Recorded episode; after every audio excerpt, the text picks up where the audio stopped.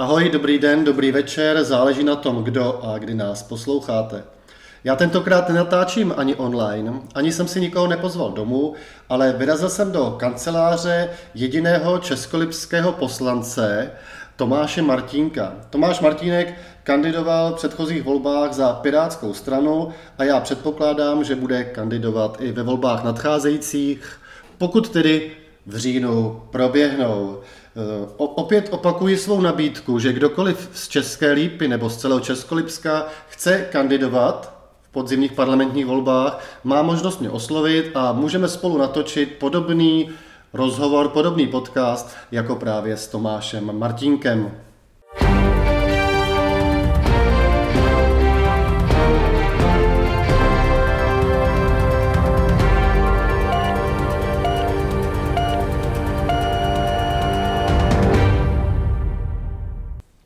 Tak pokud chcete, teď je ten pravý okamžik, abyste pozdravil naše případné posluchače.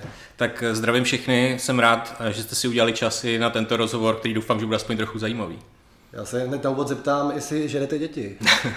ne, tak já doufám, že takovým dezinformacím nevěří snad vůbec nikdo, i když v poslední době s ohledem na to, jak eh, v některých průzkumech rostou preference například Pirátů nebo koalici Pirátů a starostů, tak se těch dezinformací vyrojilo tolik, že prostě už už jako podle mě musí přestávat nápady i, i těm dezinformátorům, co ještě můžou zahrnout do těch nesmyslů a, a do těch eh, útoků vlastně proti pirátům, který, který by mohli znejistit nějakým způsobem voliče, kteří by, chtěli, které, kteří by je chtěli volit. No. Takže bude to ještě určitě zajímavý, do voleb ještě času, dlo, času dost, takže určitě se plno věcí ještě najde a, a, a bohužel někdy je těžké dostat eh, tu relevantní informaci k těm lidem, protože přeci jen eh, šířit eh, něco, co vypadá šokujícně nebo hodně zajímavě, tak to se šíří mnohem jednodušeji než nějaká ta relevantní odpověď na to, která to vyvrací, která ukazuje, kde je skutečná pravda. Já musím přiznat, že my jsme se na rozhovor domluvili dlouho. Mezitím se vaše preference přiblížily ano, občas ho i přeskočí. A navíc mě se nepovedla jedna věc, teda, že jsem v denníku v novinách přiznal, že vás asi budu volit, nebo že jsem se rozhodl vás volit. Takže teď to vypadá jako takový hodně předvolební, eh, předvolební rozhovor, ale já jsem také vyzýval eh, kohokoliv, kdo kandiduje, že se může přihlásit, takže spolu natočíme takový podcast pro i noviny.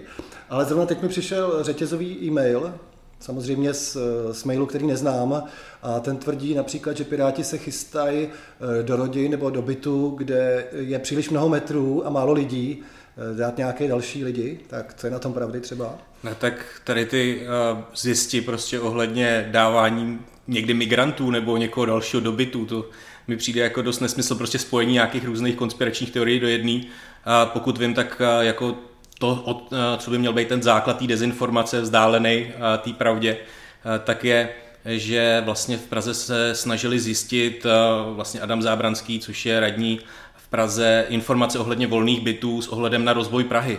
Protože přeci jen je dobrý mít informace o tom, jestli Praha v jakých částech má třeba stavět byty, jestli je nějaká možnost třeba skoupit ty nevyužité prostory, ty brownfieldy třeba, co jsou ve městě a nějakým způsobem je opravit a, umožnit tam bydlet, ať už vlastnicky nebo nájemně v Praze. Takže z toho vlastně, že se vlastně jenom chtěla informace od, tuším, energetického úřadu o tom, kolik vlastně nemovitostí je nevyužívaných, protože ta informace je běžně dostupná, je to městský podnik, pražský, pražská energetika, která ty informace má a mělo to být vlastně jenom informace orientační. Teďko ta informace bude de facto oficiální z, ze sbírky sčítání lidu, která vlastně teďko začala a v příštích několik týdnů bude probíhat tak to měla být jenom informace k tomu, aby se použila ke strategickému rozvoji Prahy a z toho se vyrojilo takových dezinformací, že, že, eh, že chápu například, že to zneužívají političtí konkurenti, kteří se snaží ukázat nějaké nepravdy, ale, ale prostě takhle otáčet něco, co co mělo sloužit eh, ke strategickému plánování a k budoucímu rozvoji Prahy, tak eh, mi to přišlo fakt eh, zvláštní a to, že se k tomu snížily některé demokratické strany v Praze, konkurenční, které třeba byly v koalici s Piráty, tak to mi přišlo úplně zvláštní. No. Teď to využívají právě ti dezinformátoři, často napojení na, na nějaké také politické strany. V tuhle chvíli například řešíme, že že SPD distribuuje do, do schránek svůj další díl novin na vlastní oči. Eh, tam celou jednu stránku věnuje Pirátům právě asi z obavy z rostoucích preferencí a z toho, že chce znejistit třeba nějaký voliče, který si uvědomili, že třeba ten program Pirátů není tak špatný a to, co nabízíme, je třeba celkem dobré, tak se snaží vlastně na té stránce kritizovat Piráty. Já bych proti kritice vůbec nic neměl, jenomže to je kritika, která je z 90% založená na lžích. Tam vlastně z deseti informací, co tam je, tak je pravdivá částečně jedna, akorát je nerealizovatelná, nerealiz, nerealiz, nejde realizovat v příštím volebním období, takže... To je euro. ano, ano. Takže je to spíš jako něco, co co když se na tom podíváte potom doopravdy bez předsudků s nějakými objektivními informacemi, tak ty věci tam jsou docela dobře popsány, že ten program, který my připravujeme, tak opravdu by většině populace země pomohl. Naopak, když se pak podívám na to, co prosazuje SPD, které, se, které nemyslí tak krátkodobě, které tam potom dává body typu teď konc nedávno vlastně senátem vrácený tisk ohledně ohledně potravin, které měly být vlastně pouze z české prodávané do určitého procenta v supermarketech a podobně. Tak když si potom člověk opravdu domyslí ty dopady, tak uh, to je prostě uh, program proti lidem, protože to, že by bylo na začátek, by to mělo být nějakých 55% potravin prodávaných v supermarketech z Česka, tak nejenom, že by některé potraviny nebyly dostupné, protože samozřejmě nejsme soběstační zdaleka a plno toho ani nedokážeme vyrobit. Já si že akorát u jablek, ne? U jablek Nebylo tam jmenováno toho mnohem víc. Bylo tam jmenováno mnohem víc druhů těch potravin, bylo to samozřejmě různé ty procenta asi, ale ale i tak, když si to člověk představí, tak jaký jsou ty reální dopady, jako makroekonom, když se na to podívá, tak si řekne, co znamená tedy omezení konkurence. To znamená prostě vždycky zvýšení ceny, protože když tam bude méně konkurentů, tak si ten jeden může dovolit zvyšovat cenu. To samé zhoršení kvality, protože proč by se snažil, když si to stejně budou muset ty lidi koupit. Navíc se tam nebude dostávat výběru, takže uh, lidé si budou muset kupovat jenom tu jednu konkrétní potravinu. A to samé, tady to vlastně je takový nacionalistický zákon, který odporuje vlastně legislativě EU o volném trhu, o volném eh, pohybu zboží. A představme si, my jako ekonomika, kde 80%, přes 80% zboží vyvážíme do Evropské unie, tak co by se začalo dít, kdyby tohle začali vůči nám uplatňovat ostatní země na nějaké jiné výrobky, například, které vyvážíme.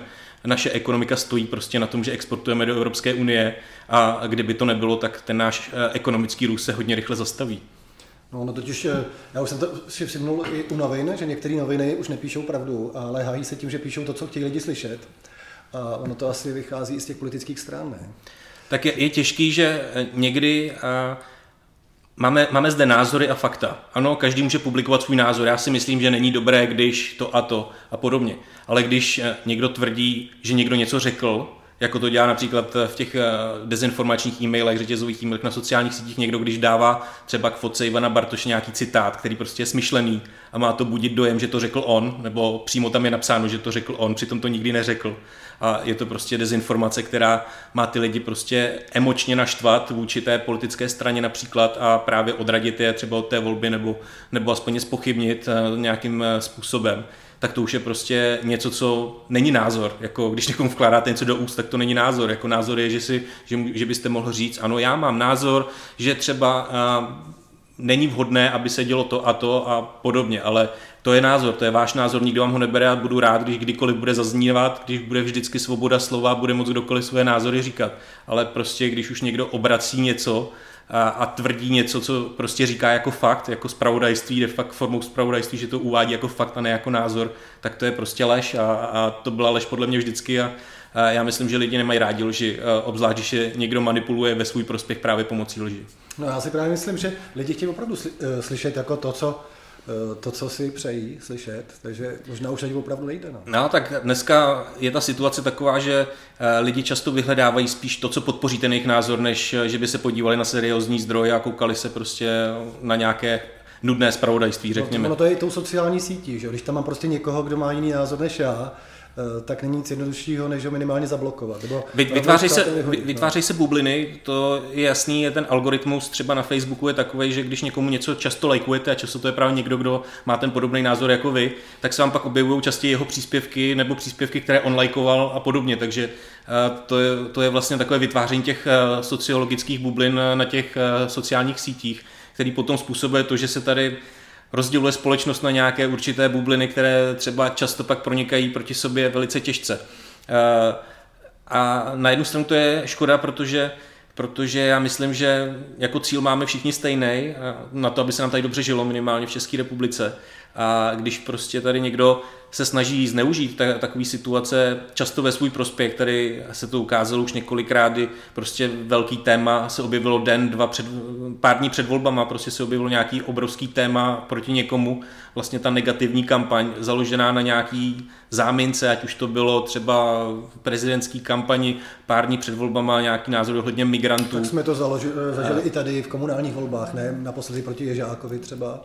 Já jsem koukal, že jedním z nejsdílenějších takových eh, obrázků proti Pirátům je, je takový to hovno, jak je tam napsáno, že volit místo Babiše Piráty jako vytřít hovno hovnem. Tak a tak eh, to je názor, zrovna to není dezinformace, jako z mého pohledu je teda trošku, ale samozřejmě to je něco, co někdo prostě se tak rozhodl no, publikovat svůj názor. Na druhou stranu se bojím, že často právě vychází tenhle ten názor na základě toho, že ten člověk je ovlivněný těma dezinformacemi, protože si opravdu nezjistil některé fakta a šíří vlastně něco, co ho emočně se ho dotklo, něco třeba. Mě to zaujalo, protože se mi to dostalo do mé sociální bubliny a sdělilo, sdělilo to poměrně dost lidí. A, e, protože tam jsou třeba bývalí studenti, o kterých jsem si myslel, že jsou poměrně inteligentní, hmm. E, tak jsem se jich ptal, jako, jak k tomu došli a jako závěr byl stejný, e, že jako radši budou volit někoho, kdo tady nechce migranty. Tak já se jako navážu na to a zeptám se, chtějí tady Piráti teda migranty? Ne, tak my máme docela obsáhlý aktualizovaný stanovisko pro rok 2020, Eh, nebo z roku 2020 už vlastně platný i pro stávající období eh, v tom smyslu, že migrace by se měla primárně řešit samozřejmě v místě, kde vzniká. Eh, jako my jsme země, která má dlouholetý zkušenosti s migrací, tedy za komunistického režimu skoro 300 tisíc lidí uteklo před persekucí režimu někam, někam do Kanady, do Německa. Nikdo nestřílel na hranicích, když utíkali, kromě tedy českých Jasně. strážníků. A jako já myslím, že Česká republika má eh, zkušenosti s migrací s, především z východní Evropy. U nás eh, vlastně pracuje plno lidí z Ukrajiny a podobně, z Běloruska, lidí, kteří často jsou i právě odchází z těch zón třeba válečných, takže jsou vlastně, by se dali považovat za i váleční uprchlíky, když zde eh, jsou potom nějakým způsobem začleněný a poměrně, poměrně dobře začleněný, takže já myslím, že v tomhle Česká republika plní jako svoji roli a není nutný vlastně vytvářet nějaký kvóty, které by tady nutili uh, lidi z uprchlíky z Blízkého východu uh, nějakým způsobem zůstávat. My jsme stejně takový uh, průtokáč, že stejně všichni, co tady jsou z Blízkého východu, tak ty jenom projíždějí do Německa. Ty tady nechtějí zůstat v České republice, takže já myslím, že to je úplně zbytečný problém, protože když už se nějaký migrant, a rozlišujeme migranta a uprchlík, protože třeba i Tomio Okamura je migrant eh, ekonomický nějakým způsobem, který vyrůstal v Japonsku a prostě rozhodl se nakonec vrátit, i když má jednoho rodiče prostě eh, z České republiky, tak se eh, nakonec migroval zpátky do České republiky, ale, ale pak zde máme uprchlíky, politické azylanty, prostě někdo, kdo utíká od někud, kde kde mu hrozí nebezpečí a podobně. Já, nebo my bychom byli samozřejmě rádi, kdyby ty konflikty ve světě nevznikaly a když už vzniknou, tak aby se ty problémy řešily v těch okolních sousedních zemí a zbylé země jim pomáhaly. Ale chápu, že prostě když v Turecku žijete ve stanu už pět let, tak potom se rozhodnete a bohužel to pak může končit třeba tak, že váš člun prostě stroskotá někde na tu řeckých březích a půlka vaší rodiny se utopí a vy pak třeba pokračujete někam do Evropy ještě přes ty hranice a stane se z vás vlastně nelegální migrant, když nemáte ten, tu součást eh, vlastně nějakým způsobem vyřešenou, jak vůbec postupovat a jsou to, eh, jsou, jsou to prostě takové věci, kde, které podle mě jako Českou republiku ani tolik nemůžou zasáhnout, protože sem pří, pří, přímo jako cílou destinaci jako nikdo nesměřuje z toho Blízkého východu. Když už tak eh, jedině z té Ukrajiny a, a třeba z Ukrajiny nebo z Běloruska, tak to jsou lidé, s kterými podle mě máme dobrou zkušenost. Náš prostě průmysl, stavebnictví a podobně, i další profese, i odborné profese. Známe programátory z Běloruska, který například pracuje pro Pirátskou stranu. Lékaře. Lékaře. Takže se dokázali skvěle začlenit do společnosti a, a proti takovým lidem rozhodně nic nemám a náš trh bude potřeba, protože e, naše křivka demografická je taková, že budeme velmi rychle stárnout a někdo ty profese prostě bude muset vykonávat, takže zrovna ti lidé z Ukrajiny, z Běloruska a podobně, tak to jsou někdo, kdo může pomoci v tomhle případě zastoupit vlastně ten nedostatek pracovních sil vlastně českých v tuhle tu dobu. A dá se nějak bránit třeba, když teda SPD oficiálně vydá noviny, kde vás napadá, kde z 90% je lež, dá se, dá se třeba jako právně? Tak myslím, že už nějaký spory proběhly, tady se taky zvažují právní kroky. Je to samozřejmě těžké, protože lidi raději šíří něco, co vypadá šokujícně, co podporuje ten jejich názor, který prostě je založen často na těch dezinformacích právě a, a ta reálná odpověď, my když třeba máme stránku piráti.cz lomeno hoax, kde e, jsou vyvráceny ty nejčastější hoaxy, které u nás právě ty političtí konkurenti šíří, tak eh, to už jako se nešíří tak dobře. Tam jako pravdu někomu už jen tak nepřepošlete. Stejně tak nepřepošlete vlastně někomu něco, co vlastně říká, že jste předtím se nechal nachytat a sdílel jste nějakou dezinformaci. Takže ono dostat to potom zpět k těm lidem, tu re- relevantní informaci je dost složité a, a bohužel tomu pak věří a dělají na základě toho rozhodnutí, které prostě nejsou často úplně šťastný, protože když se pak podívají na tu pravdu, tak jim to může být i líto. No ale když jste piráti, tak byste mohli použít taky nějakou jinou metodu, ne? Jako... tak eh, my se snažíme, eh, eh, aby byla osvěta v té společnosti. Prostě chceme, já osobně se snažím zvyšovat kritické myšlení, mediální gramotnost. Pořádali jsme semináře od Zvolse Info, což je vlastně spolek na podporu mediální gramotnosti v poslanecké sněmovně. Pozvali jsme tam všechny poslance, bohužel nikdo tady mimo Piráty nepřišel, takže asi nikdo nepotřebuje vzdělávat mediálně, i když, když se na to podívám, co někdy říkají, tak to... Poslanec volný ano, ano, ano. Každopádně dělá, snažím se i další věci. Teď jsem třeba vydal plugin, který je e, na adrese kontrolawebu.přidat.eu, který si může každý stáhnout do prohlížeče a vlastně je to plugin, který jenom přidá lištu na ty weby, kde, který jsou podle odborníků, například z konspirátoři, konspirátoři SK a dalších posuzovány jako dezinformační dlouhodobě, respektive v tom smyslu, že tam často jsou publikovány nějaké nepravdivé zprávy. Takže aspoň to může pomoci tomu člověku spozornit a pomoci to, že si že si ten zdroj ověří i na nějakém dalším seri- seriózním zdroji, jestli ta informace byla pravdivá. To je takový základ, že prostě nevěřit jedné informaci, která často je dělána jenom proto, aby tam byl clickbaitový titulek, který se šíří, aby přišla dostatečná návštěvnost na ten web a z toho ten web žije. Tam jsou potom reklamy, které, na který když někdo klikne nebo když se někomu i zobrazí, tak z toho eh, ten příjem, z toho ten tvůrce často té dezinformace nebo prostě ten web, který, eh, na kterém se šíří, tak eh, z toho žije a a jeho cílem prostě není jako šířit pravdu, ale jeho cílem je vydělat, jeho cílem je prostě dostat tam lidi a to se na těch šokujících zprávách dělá, daří mnohem lépe než na, na šíření prostě z klasického zpravodajství. Takže i proto vlastně vidíme u nás v televizích, tak to zpravodajství, například TV Nova, TV Prima, tak je často více bulvárnější než například těch veřejnoprávních médiích. A, a možná proto má i vyšší sledovanost, protože lidi chtějí nějakou, nějakou akci, nějakou bulvárnost, nějakou šokující zprávu, i když často potom se stane, že to je prostě zveličená zpráva, která prostě vytržená z kontextu a, a jenom proto, aby prostě zaujala ty diváky a ty si na to potom můžou opět udělat takový ten zkreslený názor. Takže eh, základem ověřovat zdroje, ověřovat, jestli ty články prostě mají nějaký podpis někoho, jestli uh, to je takto publikováno i někde jinde na nějakém relevantním zdroji, uh, prostě nevěřit první informaci. No. Já se vrátím trošku k, tomu, k situaci, kdy jste vstoupil do poslanecké sněmovny. Vy jste vlastně postoupil z relativně zadních pozic, dělalo to hodně zlo. Tak eh, bylo to, bylo to z třetího místa na kandidátní listině. Eh, já samozřejmě děkuji všem eh, za, za tu podporu, která, která v té době byla.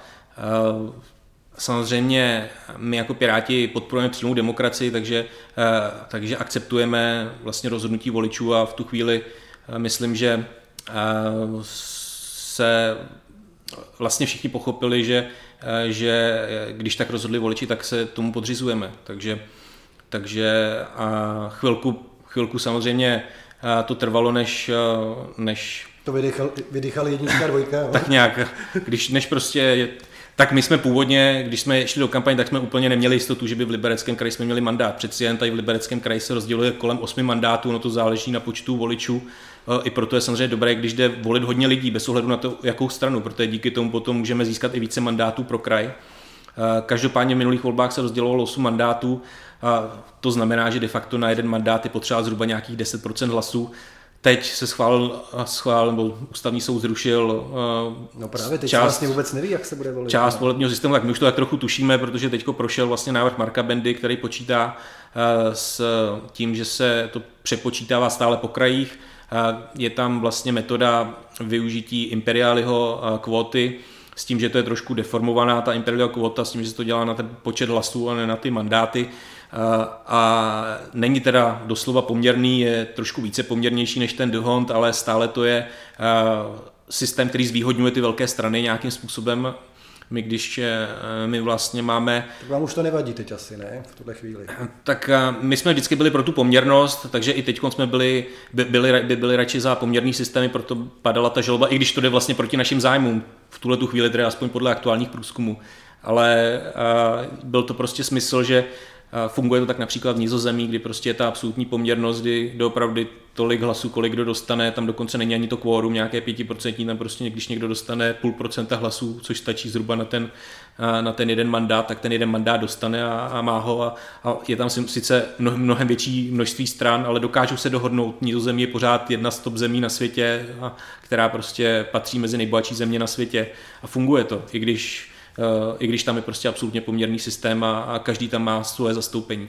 Na, na druhou stranu tady u nás chápeme, že nemůžeme prosadit. V tuhle chvíli jsme opoziční strana, která má 22 poslanců, takže a hlavně je dospět k nějaké dohodě, protože kdyby nebyla ta dohoda do doby, kdy se podávají kandidátní listiny, tak by to mohlo způsobit konsekvence ve smyslu Eh, ve smyslu toho, že eh, by, mohly být, by mohla být narušena férovost voleb, mohly by pak být i po volbách ústavní eh, stížnosti na nějaké udělení mandátů a podobně, takže, takže i kdyby se nějakým způsobem pak povedlo rozdělit ty mandáty, tak eh, by to mohlo znamenat ale, že za rok to třeba ústavní soud zruší a třeba neplatní tu volbu, což by bylo úplně to nejhorší, co, co bychom chtěli, takže v tuhle chvíli se hledá nějaký kompromis. My jsme tam kritizovali především to, jak bylo v tom druhém skrutíniu, protože se vytváří systém s, dvěmi, skrutíny, kde v prvním se rozdělí vlastně ty eh, mandáty pomocí imperiály metody a to, co ty zbytkové hlasy se převádějí do druhého skrutínia, kde se pak rozdělují už poměrnou metodou, nebo už více, ještě více poměrnější metodou ty zbylé mandáty a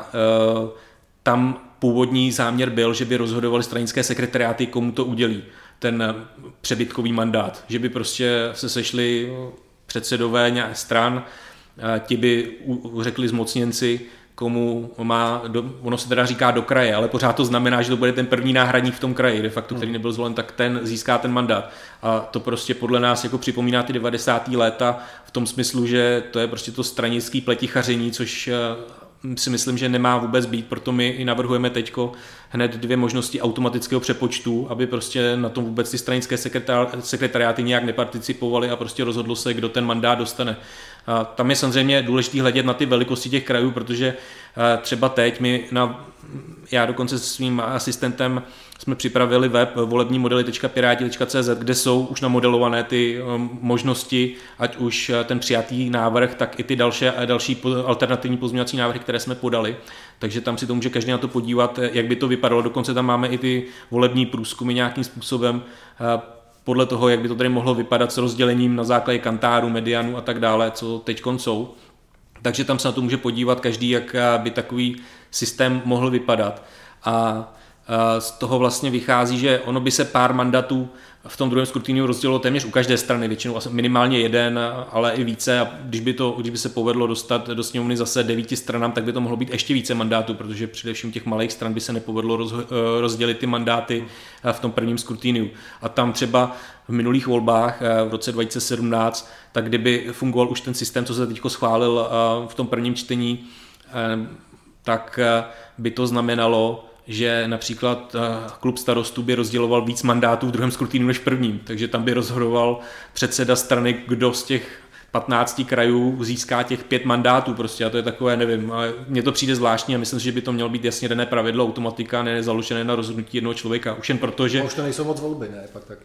Tak takový systém už tady byl v těch devadesátkách, oni ty zbytkový mandáty takhle už, už rozdělovali kdysi, ale prostě nerozhodují to voliči potom, ale rozhoduje to prostě předsednictvo strany ano, může to rozhodnout správně nějakým způsobem, ale pořád mi to nepřijde jako, že to je správná cesta, protože tady má, mají být podle mě jasná pravidla, má tady být něco, co nevytvoří například tu větší lojalitu toho případně zvoleného poslance vůči tomu vedení, protože když se tam někdo dostane právě takovým rozhodnutím místo toho, aby ho zvolili voliči, tak nemusí mít pak takovou lojalitu vůči voličům, ale naopak vůči tomu stranickému vedení, což, což rovnou poslanců podle mě prostě není eh, žádoucí.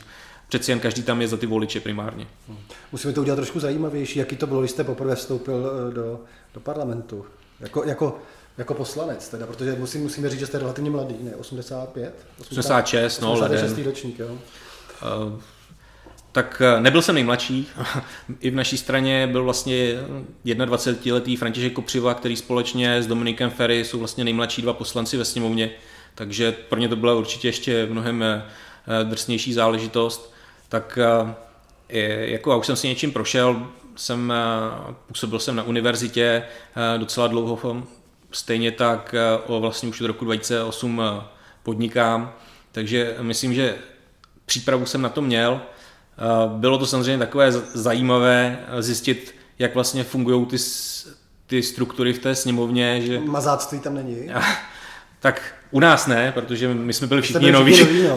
A v jiných stranách to je možný, to eh, nevím úplně přesně. Každopádně uh, myslím, že my jsme vytvořili takový kompaktní celek, dokonce uh, ta, když jsme si upravovali uh, vlastně poslanecký klub, tak eh, tam standardně jsou lavice a, a vepředu je vlastně nějaký předsednictvo a podobně. A my jsme to dali uh, do kruhu. My jsme si prostě postavili, nebo do čtverce, dobře, ale uh, tak, aby každý byl vlastně v čele, a současně aby nebyl.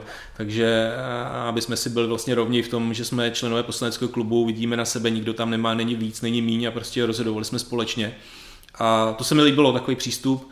A to jiný, jiný strany samozřejmě mají to, že tam je nějaké předsednictvo, které má roli, tam například eh, to, co vím, tak vnutí ano, tam je těžký vůbec mít možnost se nějak pořádně vyjádřit, protože přeci jen ten klub trvá tam kleče. Nějakou, to, to zase ne asi, ale, ale ten klub trvá nějakou dobu a, a přeci jen 78 poslanců, když tam je, tak eh, zrovna u nich eh, nedostane asi každý prostor, tam to přednese minister, jaký je jeho názor a pokud někdo má nějaké super odborné stanovisko, tak dostane prostor k vyjádření asi, ale, ale není to tak, že by se mohl jako u nás vyjádřit de facto každý poslanec k tomu něčemu, co se řeší a kde řešíme, jak se k tomu postavíme, aby to prostě bylo jak v souladu s programem, tak v souladu prostě s naší odpovědností vůči voličům. No my jsme minule v tom rozhovoru v roce 2017, myslím, se bavili hodně o vaší strategii povolební, že jste vlastně už dopředu řekli, s kým případně půjdete do koalice, s kým ne. Eh, vyplatilo se to a eh, změní se teď ta strategie? Já předpokládám teda, nemám samozřejmě ještě všechny informace, ale předpokládám, že tak bude, eh, že bude vydána povolební strategie ještě teď, znova před volbami.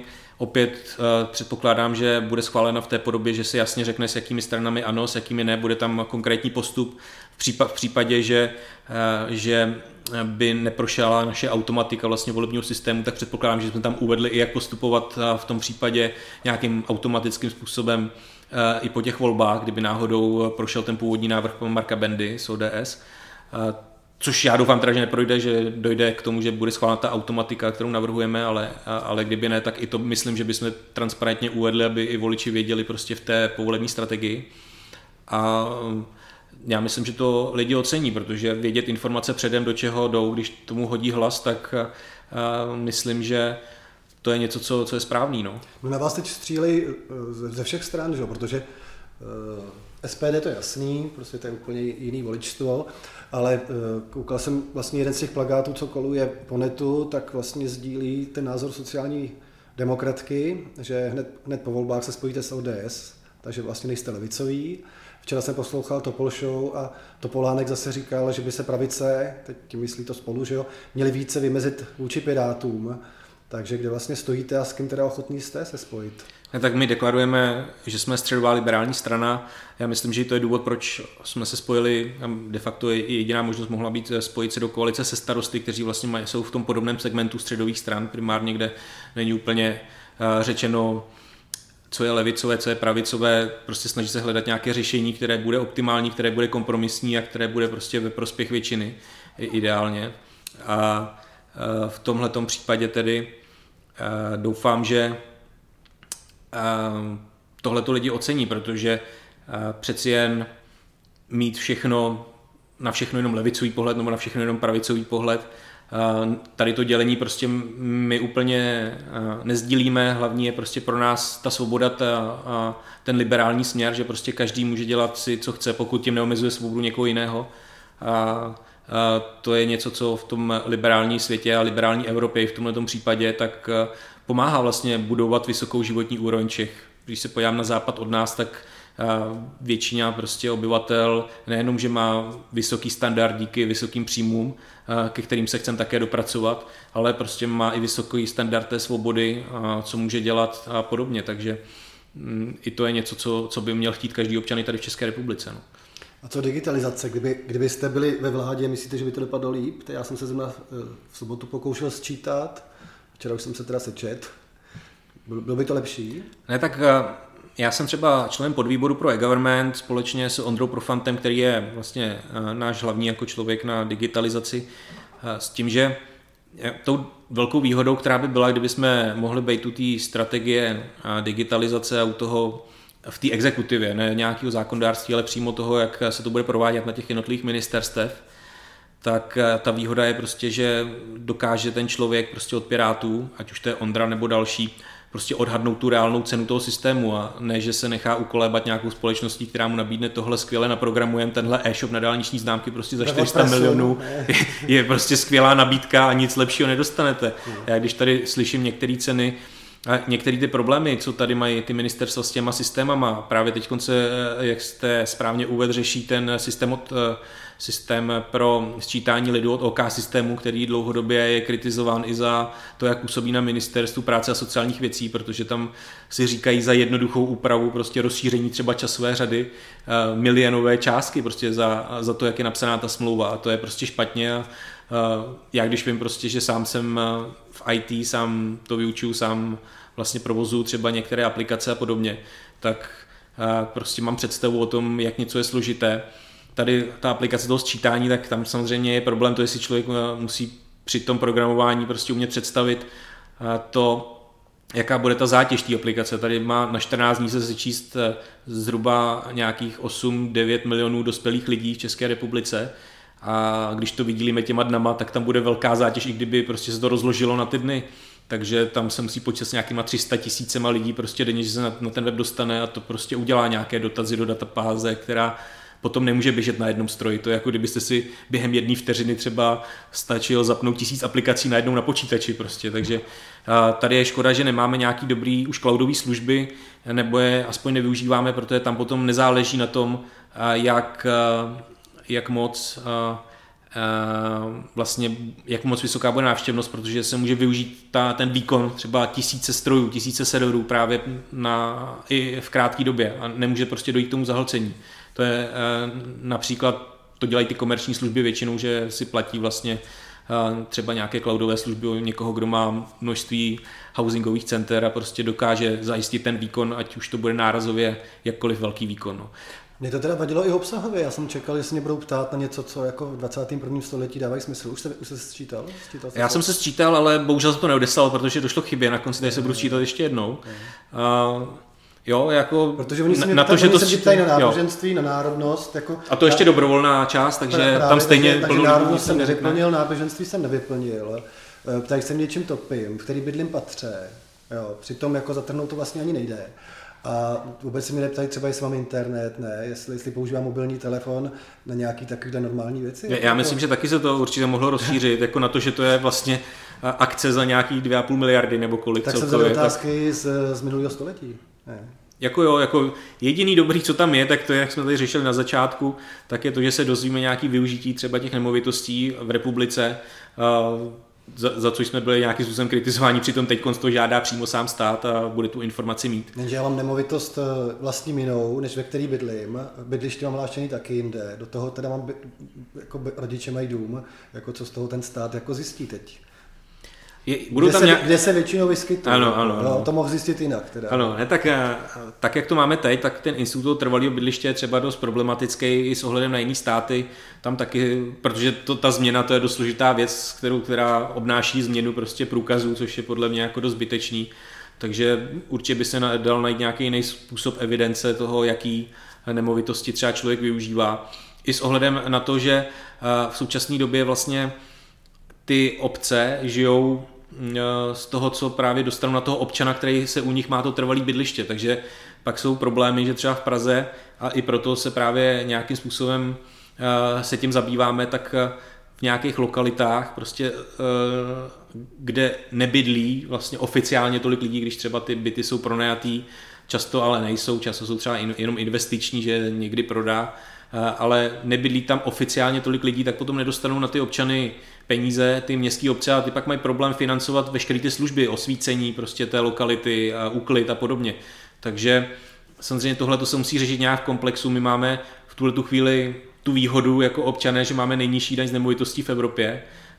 Tady třeba dávají lidi za příklad Vídeň, jak se tam skvěle žije a podobně, ale když si vezmete tak ve Vídni, a jako já to považuji za extrém, není to něco, co bych chtěl, ale prostě jen tak pro to srovnání, tak ve Vídni je daň z nemovitosti něco, uh, něco kolem 1% z její hodnoty ročně. Takže tam, když někdo vlastní nemovitost za 5 milionů, tak tam musí ročně odvést na této daní, kde my odvádíme kolem 500 korun v průměru, tak musí odvíst třeba 50 tisíc za ten rok. Takže potom díky tomu má Vídeň samozřejmě na ty služby, na ten rozvoj a podobně. A u nás to ty obce sanují tím, že dostávají z rozpočtového určení daní peníze z toho, co tam odvedou ty poplatníci, poplatníci přes trvalé bydliště a přes vlastně odvody na daní z příjmu a podobně. Já taky odvádím daně tady v České lípě a, jsem rád, že doufám, že to pomůže tomu jejímu rozvoji, ale m, není to prostě někdy, v některých případech dostatek a i proto třeba ta evidence nad ní je potřeba se zamyslet, no, jakým způsobem ji do budoucna dělat. No já jsem se trošku bál, když se vyhlašoval ten lockdown, že lidi budou muset být doma, teda se musí rozhodnout, kde je doma, že někoho napadne tam dát trvalý bydliště, že jo? protože tady na radnici kolik je? Asi tři tisíce lidí přihlášených na radnici, takže to by bylo třeba mazec. No. Eh, koukali jsme se, nebo hodně jsme se minule bavili o Estonsku, eh, že jo? protože kdo, kdo byl v Estonsku, tak tam vlastně nepotřebuje peníze, nepotřebuje papír, tím jako mi záchodu teda, ale spoustu věcí se tam řeší vlastně hmm. na dálku, úřady se ruší, hmm. jezdí třeba Piráti na nějakou zkušenou do Estonska? Tak eh, já jsem ve skupině Přátel Estonska ve sněmovně, setkali jsme se s její delegací tady. Eh, myslím, že nějaká delegace byla hm, v obecně v Estonsku, ale, ale my jako Piráti jsme většinoví členové té skupiny a uvítali jsme tady minimálně tu delegaci. Eh, já jsem rád, že mi pak mohli poslat nějaké materiály k různým věcem ohledně toho jejich e-rezidenci například, to je Jaký velmi zajímavý systém.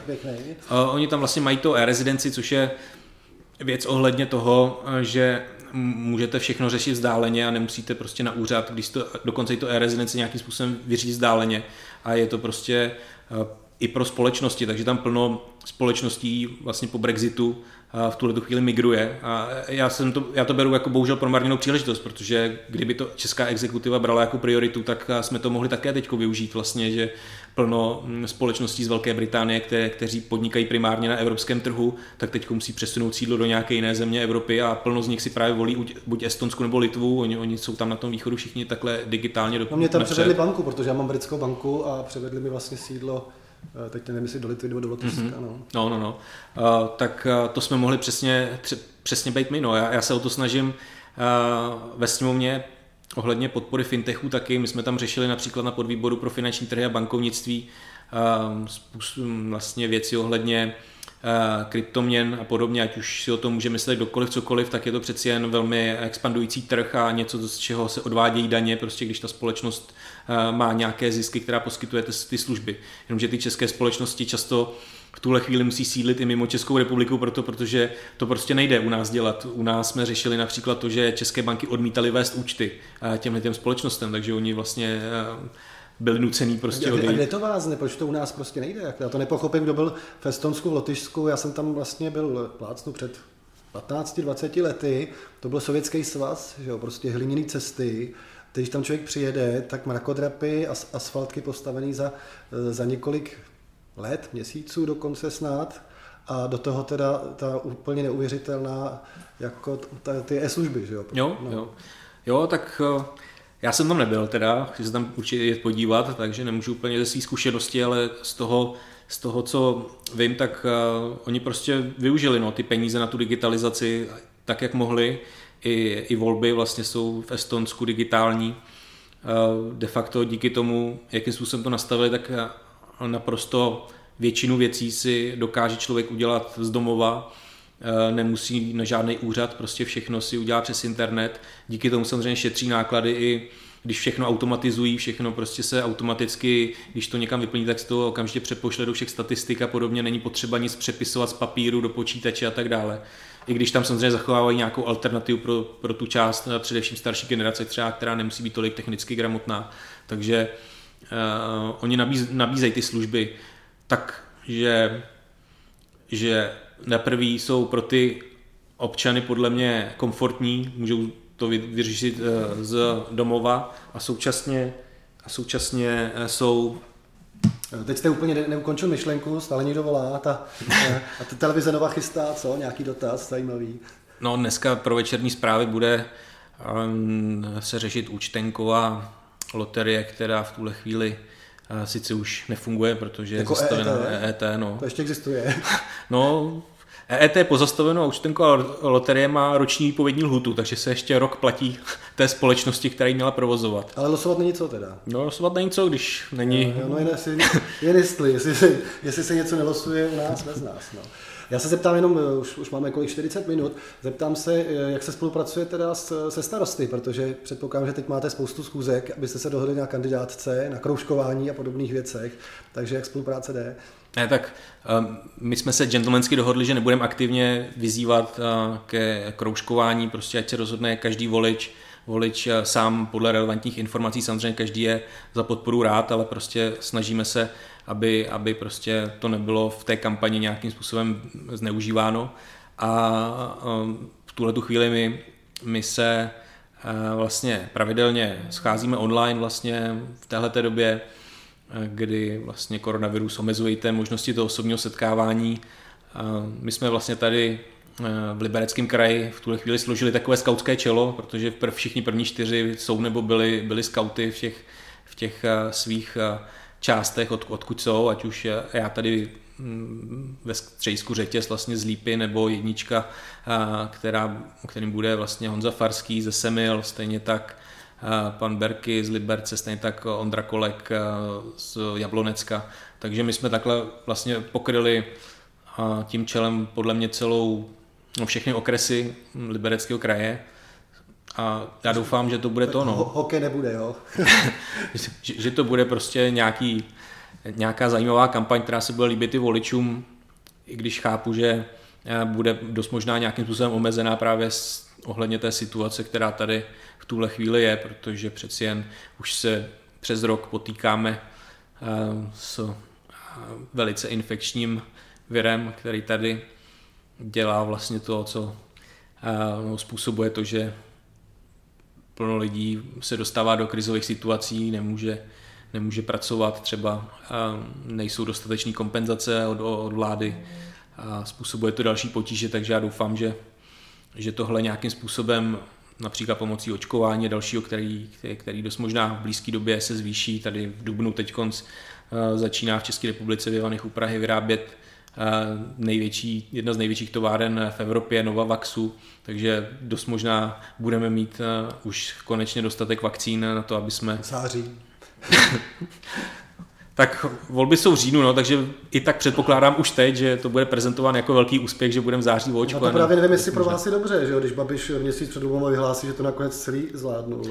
No já se akorát ještě bychom mohli zahrát na tu strunku, že jste jediný českolipský poslanec. Je vám smutno třeba v parlamentu?